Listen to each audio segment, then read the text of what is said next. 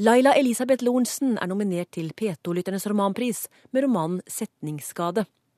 Her er hun i Kulturhuset hos programleder Siv Wammer. NRK P2.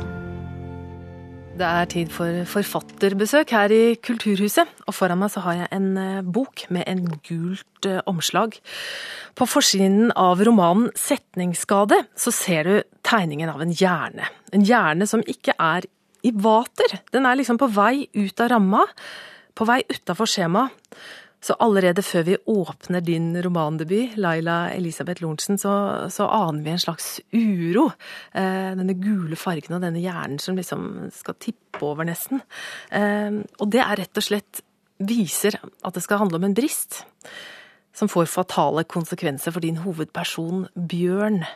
Eh, kan ikke du fortelle litt hvem denne typen er? Ja, Bjørn han er en, eh, en, eldre mann som eh, lever alene. Han er pensjonist. Han er ingeniør.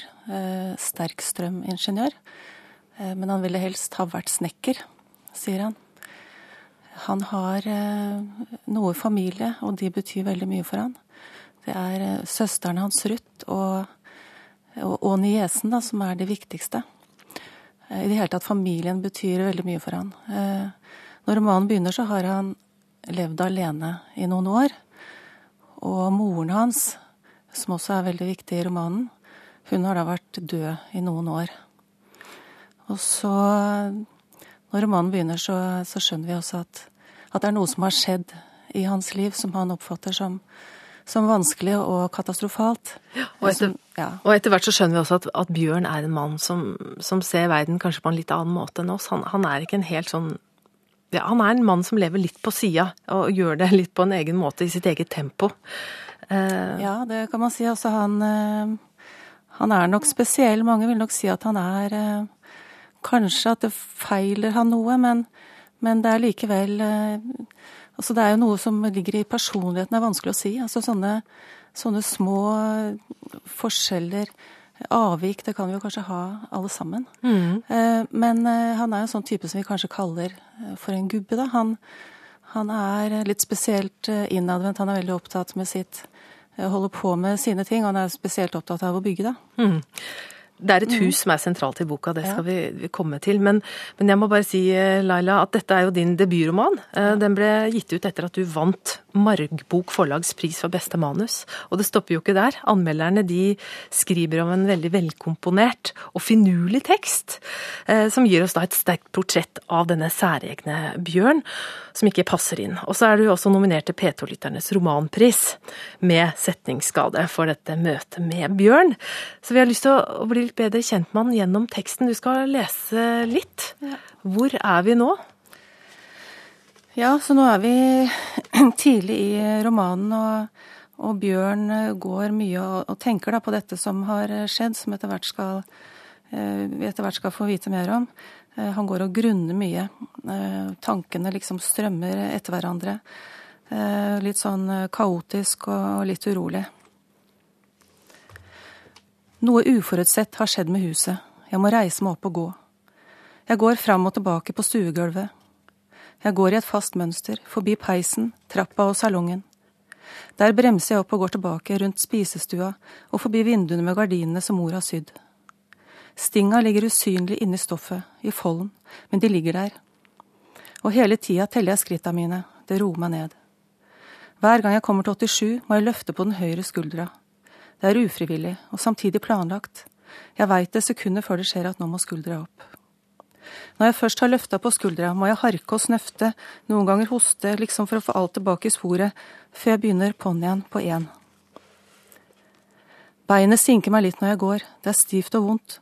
Det har skjedd noe med beinet. Jeg lurer på hva det kan være med det høyre beinet. I det venstre kjenner jeg ikke noe. Det er rare greier. Jeg hadde aldri trodd at noe sånt skulle skje med huset. Hmm. Det er dette huset mm. som Bjørn har bygget sjøl. Ja. Og det er egentlig aldri blitt ferdig. Han har holdt på i snart 40 år.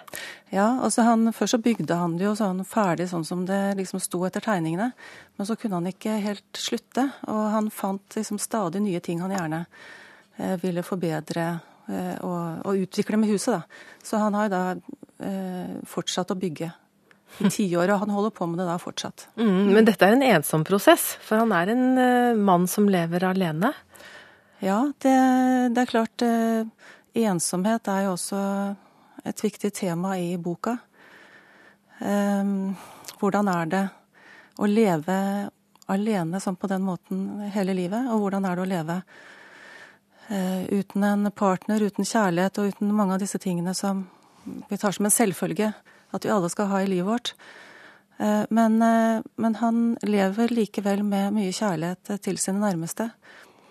Eh, så det blir jo en annen, et alternativt liv, kan du si. Men jeg syns det har vært spennende å, å, gå inn i det og undersøke det nærmere. Ja, hva har du lært sjøl av å, å prøve å være en person som Bjørn? For du forteller jo på en måte historien, det er hans stemme som snakker. Hva har du lært av det møtet? Ehm, det har vært veldig sterkt og emosjonelt å gjøre det. Ehm, fordi altså, han er jo en person som jeg føler sjøl er veldig forskjellig fra meg. Han er jo, han er jo mann, da. Um, og jeg ville gjerne velge en mann for å komme litt bort fra meg selv. At jeg, at jeg ikke skulle gå i beina på meg sjøl når jeg skrev. At det var spennende å gå inn i en mannsskikkelse, og som også var uh, som person veldig, veldig forskjellig fra meg. da. Um, altså en person som er eh, innadvendt, og som ikke oppfatter uh, alt som foregår rundt seg. Har ikke noe særlig sosiale antenner. Um, han sier jo selv at han ikke Han klarer ikke å lese mellom linjene. Uh, han klarer ikke å oppfatte alt det folk sier med, med øyne, ansiktsuttrykk, kroppsspråk, alt dette her. Uh, som jo er veldig vesentlig i det sosiale spillet mellom mennesker. Hvilke konsekvenser får det for Bjørn, at han ikke klarer det spillet? Ja, nei, så Det er nettopp det etter hvert eh, romanen handler om. da. Og Vi ser jo også hvordan det eh, virker også på hans nærmeste. Eh, på, på niesa og hennes familie. Når han etter hvert hjelper dem med å bygge garasje. Han setter seg rett og slett i husveggen og overvåker ja. en garasjebyggingsprosess som han ja. ikke helt får ta del i. Det skulle ja. han jo sikkert gjerne gjort. Ja. Det, han er det jo fantastisk når en ny bygning skal reise seg, og det vil han veldig gjerne være med på. Og det fører jo til at han setter seg til da, hos eh, niesen sin og blir sittende i husveggen hos henne hele sommeren, hele sommeren og overvåke denne byggeprosessen. Eh, og det driver jo selvfølgelig niesa og hennes familie til vanvidd. Men dette har han problemer med å oppfatte. Så, så, det spisser seg til etter hvert, da. Mm. Eh, og blir en vanskelig situasjon for alle.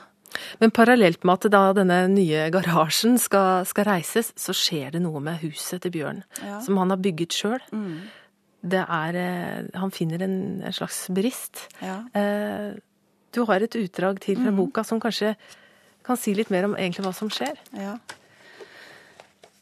Nei, altså det blir jo denne eh, kontrasten for han, ikke sant, med dette som skjer med huset, at han oppdager noe katastrofalt i sitt eget hus.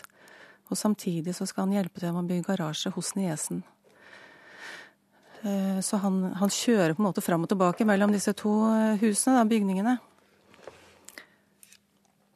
Men nå skal jeg lese litt fra da når han oppdager det katastrofale i sitt eget hus, da. Den dagen jeg oppdaga det katastrofale, hadde jeg vært ute og henta Dagsavisen, som vanlig, Dagsavisen er min avis. Jeg møtte ingen, gata lå øde. Det var januar, det snødde, det lava ned. Jeg kom inn i gangen med masse snø på støvla og på huet. Det var Valla og Ysen på forsida, og Valla hadde mobba Ysen, akkurat som det vedkom LO. Jeg gleda meg til å lese avisa og drikke kaffe, det var vanligvis et høydepunkt. Og denne dagen var det en oppsiktsvekkende sak på forsida med Valla i hovedrollen, Norges mektigste kvinne. Hun var avbilda på en lite flatterende måte.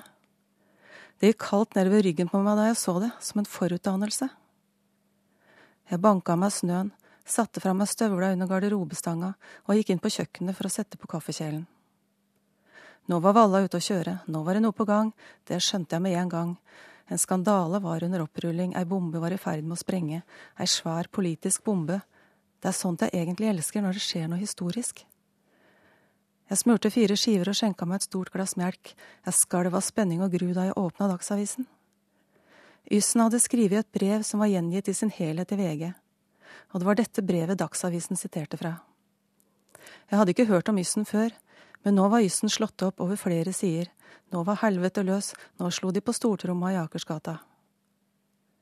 Valla hadde vært fæl og umenneskelig mot yssen, en nær medarbeider, det var essensen.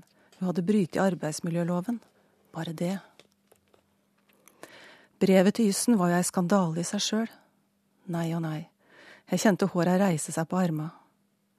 Jeg væra at det var svære ting på trappene, og tenkte at det kanskje var ekstra nyhetssending, eller i det minste en nyhetsoppdatering på frokost-TV. Jeg tok med meg kaffekoppen inn i stua og satte meg godt til rette i sofaen for å se på TV. Så langt, så godt. Det var da jeg begynte å fikle med fjernkontrollen og fant ut at den ikke virka, at batteria var flate og daue. Det irriterte meg, siden jeg var så utålmodig etter å få på nyhetene. TV-en kunne bare stå på utover formiddagen, så kom det nok noe spennende etter hvert, om Gerd Liv Valla og Yssen, tenkte jeg. Det var planen. Jeg måtte reise meg for å finne noen nye batterier. Jeg begynte å leite i kjøkkenskapet og i skuffa på kjøkkenet. Vanligvis er ikke jeg den som går tom for batterier osv., men akkurat i dag måtte batteriet selvfølgelig gjemme seg bort. Jeg leita og rota i det vide og det breie og dro ut skuff etter skuff og gikk gjennom alle skapa for å finne sånne ørsmå batterier som er så jævlig populært for tida. Det er jo latterlig at alt skal gå på batterier nå til dags.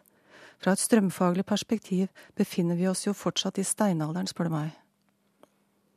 Det er jo utrolig at man må endevende hele huset for å få rista liv i NRK.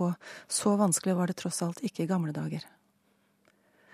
Omsider fant jeg til min lettelse ei pakke i kommoden ute i gangen. Men så ville jo ikke plastikken av.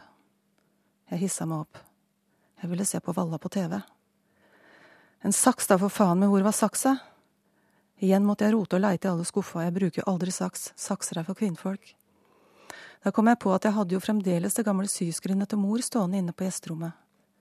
Jeg skyndte meg inn dit, der alle søppelsekka med skittentøy sto, åpna syskrinet med alle snellene og knappa alle de uforståelige små redskapa som mor brukte da hun sydde og der var den grønne nåleputa. Den var det jo Ruth som hadde laga da hun var lita. Den hadde Ruth brodert med små sting på kryss og tvers i alle slags farger, og den hadde mor tatt vare på i alle år og hatt nålene sine i. Det klemte så rundt hjertet da jeg så den grønne nåleputa. Og der lå saksa til mor, Sysaksa, den måtte aldri brukes til papir og papp, sa mor, det var hun veldig streng på, men det fikk ikke hjelpe nå, sjøl om mor sikkert roterte i grava når hun så hva jeg gjorde med sysaksa. Endelig fikk jeg åpna den idiotiske pakka, nå sto jeg altså der med de nye batteria i handa mens jeg prøvde å få av dekselet på fjernkontrollen. Det var noe puslete greier med en liten tapp på, så vidt jeg kunne se. Batteria går jo faen i ett sett på alle disse nye greiene, jf. steinalderen, og jeg sleit for å få av det hersens dekselet. Jeg hadde ikke lesebrillene på meg heller, de lå jo der ute på kjøkkenet, men dem gadd jeg ikke å hente, så egentlig kunne jeg ikke se hva jeg gjorde. Da dekselet plutselig spratt av, mista jeg alt jeg hadde i henda, fjernkontrollen, de fire batteria, alt datt i gulvet med et smell, og alle batteria trilla av gårde hver sin vei over parketten. Helvete! ropte jeg ut i lufta, det gjalla mellom vegga, jeg bøyde meg og tok opp fjernkontrollen og banna videre for meg sjøl, mens jeg prøvde å få ut de daue batteria fra det lille hølet der de klamra seg fast. De andre batteria kunne jeg plukke opp, bare jeg fikk ut disse små drittbatteria først. Det var da jeg hørte lyden. Lyden av noe som trilla bak meg. Det var noe som ikke ville stoppe. Jeg snudde meg for å se hva det var som trilla så unaturlig lenge. Og ett av batteria var på vei over gulvet. De andre batteria lå urørlige andre steder på gulvet. De hadde funnet en annen bane men dette ene batteriet fortsatte å trille hele veien over stuegulvet og stoppa ikke før det nådde nordveggen. Det var mange meter dit, kanskje fem. Der blei det liggende i ro, helt inne ved lista. Jeg fikk sjokk, jeg trodde ikke det jeg så. Jeg sto og stirra på batteriet, jeg trodde ikke mine egne øyer. Hvordan kunne batteriet trille så langt? Var gulvet skeivt? Dette er altså fra 'Setningsskade' av uh, Laila Elisabeth Lorentzen, som du leste fra. Uh, og det er her det begynner å gå skikkelig galt for Bjørn. Når han ja. oppdager at grunnen han står på, er i ferd med å svikte. Ja. Hva, hvorfor har du brukt dette bildet av et hus som liksom vakler? Ja, eh, nei, det er jo en veldig takknemlig metafor å jobbe med, da kan du si. Eh, for, for, Bjørn så er det jo huset som er katastrofen, sånn han oppfatter det i hvert fall veldig lenge. Eh, men er, egentlig så er det jo en enda større katastrofe under oppseiling.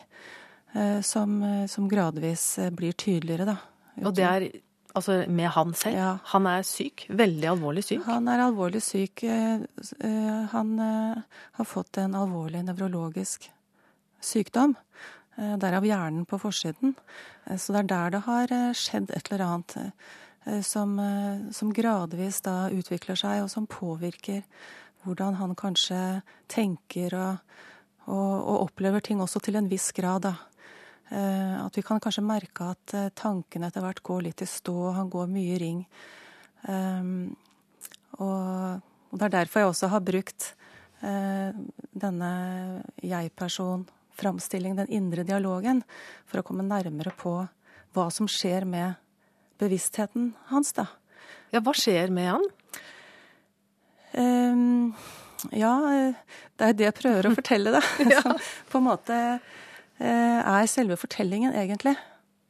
Det er det som uh, ligger under mm. alt det han tenker. For hvordan um, Hva er det egentlig som, som, skjer når han tenker på den og den måten? Vi ser at um, at, uh, at gjerne så er det sånn at én tanke følger av en annen. Altså hvorfor Eh, kan han ikke vaske tøy, f.eks. Han har ikke vaska på to år? Nei. Nei.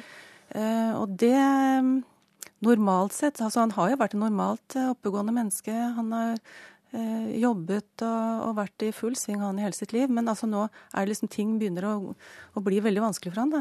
Mm. Eh, og han klager klager stadig på at han ikke får vaska tøyet sitt.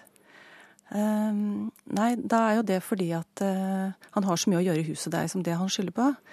Eh, og det må han jo prioritere først. Men så får han jo heller ikke kommet i gang med det han skal gjøre i huset, fordi han har så vondt i beinet sitt. Eh, så er vi liksom inne på det med beinet. Ja. Og hvorfor har han vondt i beinet? Jo, det var fordi han måka så mye i vinter, og fordi han da ikke fikk eh, komme seg på senter og kjøpe nye støvler. og Støvlene var altfor trange. Så han har hele tiden forklaringer på ja. hvorfor ting er, er, som de er. Ja. Men, men Altså Denne historien, den, vi skal ikke røpe slutten, men den ender jo ikke bra. Altså Nei. Setningsskaden, som boka heter, det, den er jo i Bjørn selv. Mm. Og han, han, blir veldig prega av denne sykdommen. Mm. Eh, du snakker jo om det indre her, men jeg vet at du har vært opptatt av å også beskrive smerten som han går mm. gjennom, den sånn fysiske smerten. Ja. Hvorfor har det vært interessant for deg å skrive om det litterært? Nei, det er jo, det er jo et tema som er uhyre vanskelig egentlig å skrive om. Å komme inn i. Eh, man, hvordan kommer man på innsiden av smerter? For smerter er jo, glemmer man jo ofte da, etter at man har opplevd det. Eh, det er derfor kvinner får flere barn, for de glemmer hvor vondt det er å føde. Eh, men det er noe med uutholdelige smerter. Hvordan skal man skildre det på en litterær måte? Det syns jeg var en utfordring. Hvordan har du forberedt deg da for å prøve å skjønne det? Det har selvfølgelig noe med personlige erfaringer å gjøre. Um, at jeg har opplevd det både i, mitt eget liv og, og, i mine nærmestes liv. Og, og, og, det er jo også sånn at vi kanskje har en slags uh, forestilling da, i vårt moderne liv at, at uh, all smerte kan lindres. Bare vi kommer på sykehus, så kan alt lindres. Alt det vonde kan feies under teppet. Uh, det skal ikke være vondt å bli alvorlig syk. Det skal ikke være vondt å dø. Eh, men det er dessverre ikke sant i alle tilfeller, da. Eh, så, så det, det, i seg sjøl er jo litt spennende å belyse. Mm. Livet er, kan være veldig vondt, veldig urettferdig og, og uutholdelig. Eh, selv om man ligger på verdens beste sykehus i Norge. Ja, og så takler man jo sånn Altså det, det vonde forskjellig. Altså mm. døden. Hvordan skal vi møte døden? Og, mm. og du skal lese litt, fra, litt mot slutten. Eh, ja. Der eh, søsteren Ruth er mm. kommet inn i bildet. Ja. Ruth er også veldig viktig for Bjørn. Eh, og, og Ruth og Bjørn har mange likhetstrekk, som han sier. De er begge veldig, veldig handlekraftige og, og målretta. Men mens Bjørn nok ser mer sannheten i øynene da, når han først forstår at det er alvor. Så, så tar han det inn over seg at han er alvorlig syk, men for søsteren Ruth er det litt vanskeligere. Og da eh, fordyper hun seg i det å lage mat, da. til Bjørn. Jeg ligger i senga og hører på Ruth som holder på ute på kjøkkenet, med store kjeler og alle slags lukter. Jeg blir helt ør i huet, hun lager svære stabler med middagsporsjoner som skal inn i fryseren. Dem er det meninga at jeg skal spise i ukene og månedene framover når hun ikke er her. Hun braser og bråker og hiver ting ned i oppvaskkummen. Hun er så utålmodig, alt skal gå så fort, og når jeg er våken, forteller hun meg hva hun har laga og hvor mange porsjoner som står oppå hverandre på kjøkkenbenken i fine plastikkbokser. Dem har hun kjøpt for en billig penge på senteret. Hun kommer inn og viser meg hvor fine de er. Hun er oppspilt og glad, som hun alltid blir av svære prosjekter, akkurat som meg. På det punktet er vi helt like. Til nå er det lammegryte og lapskaus og kjøttkaker og jeg veit ikke hva, ferdig med saus og grønnsaker i fryseren. Men poteter og ris må jeg koke ved siden av, sier Ruth. Poteter egner seg ikke for frysing. Hun veit hvordan alt skal være. Jeg kan koke mange om gangen og har ferdig poteter stående i en boks i kjøleskapet. Det skal være så perfekt som mulig i Ruths verden. Og potetene må ikke være vassende når jeg nå en gang skal trille ut på kjøkkenet i rullestolen min og varme opp de ferdige middagsporsjonene i mikrobølgeovnen. Det vil bare ta noen få minutter og være utrolig lettvint. Se her, sier Ruth og viser meg oversikten hun har laga med, med, tusjer i fine farger over alle rettene som ligger i fryseren, og hvor mange porsjoner det er av hver. Nå er det over 30 middagsporsjoner her, Bjørn, sier Ruth, er det ikke flott?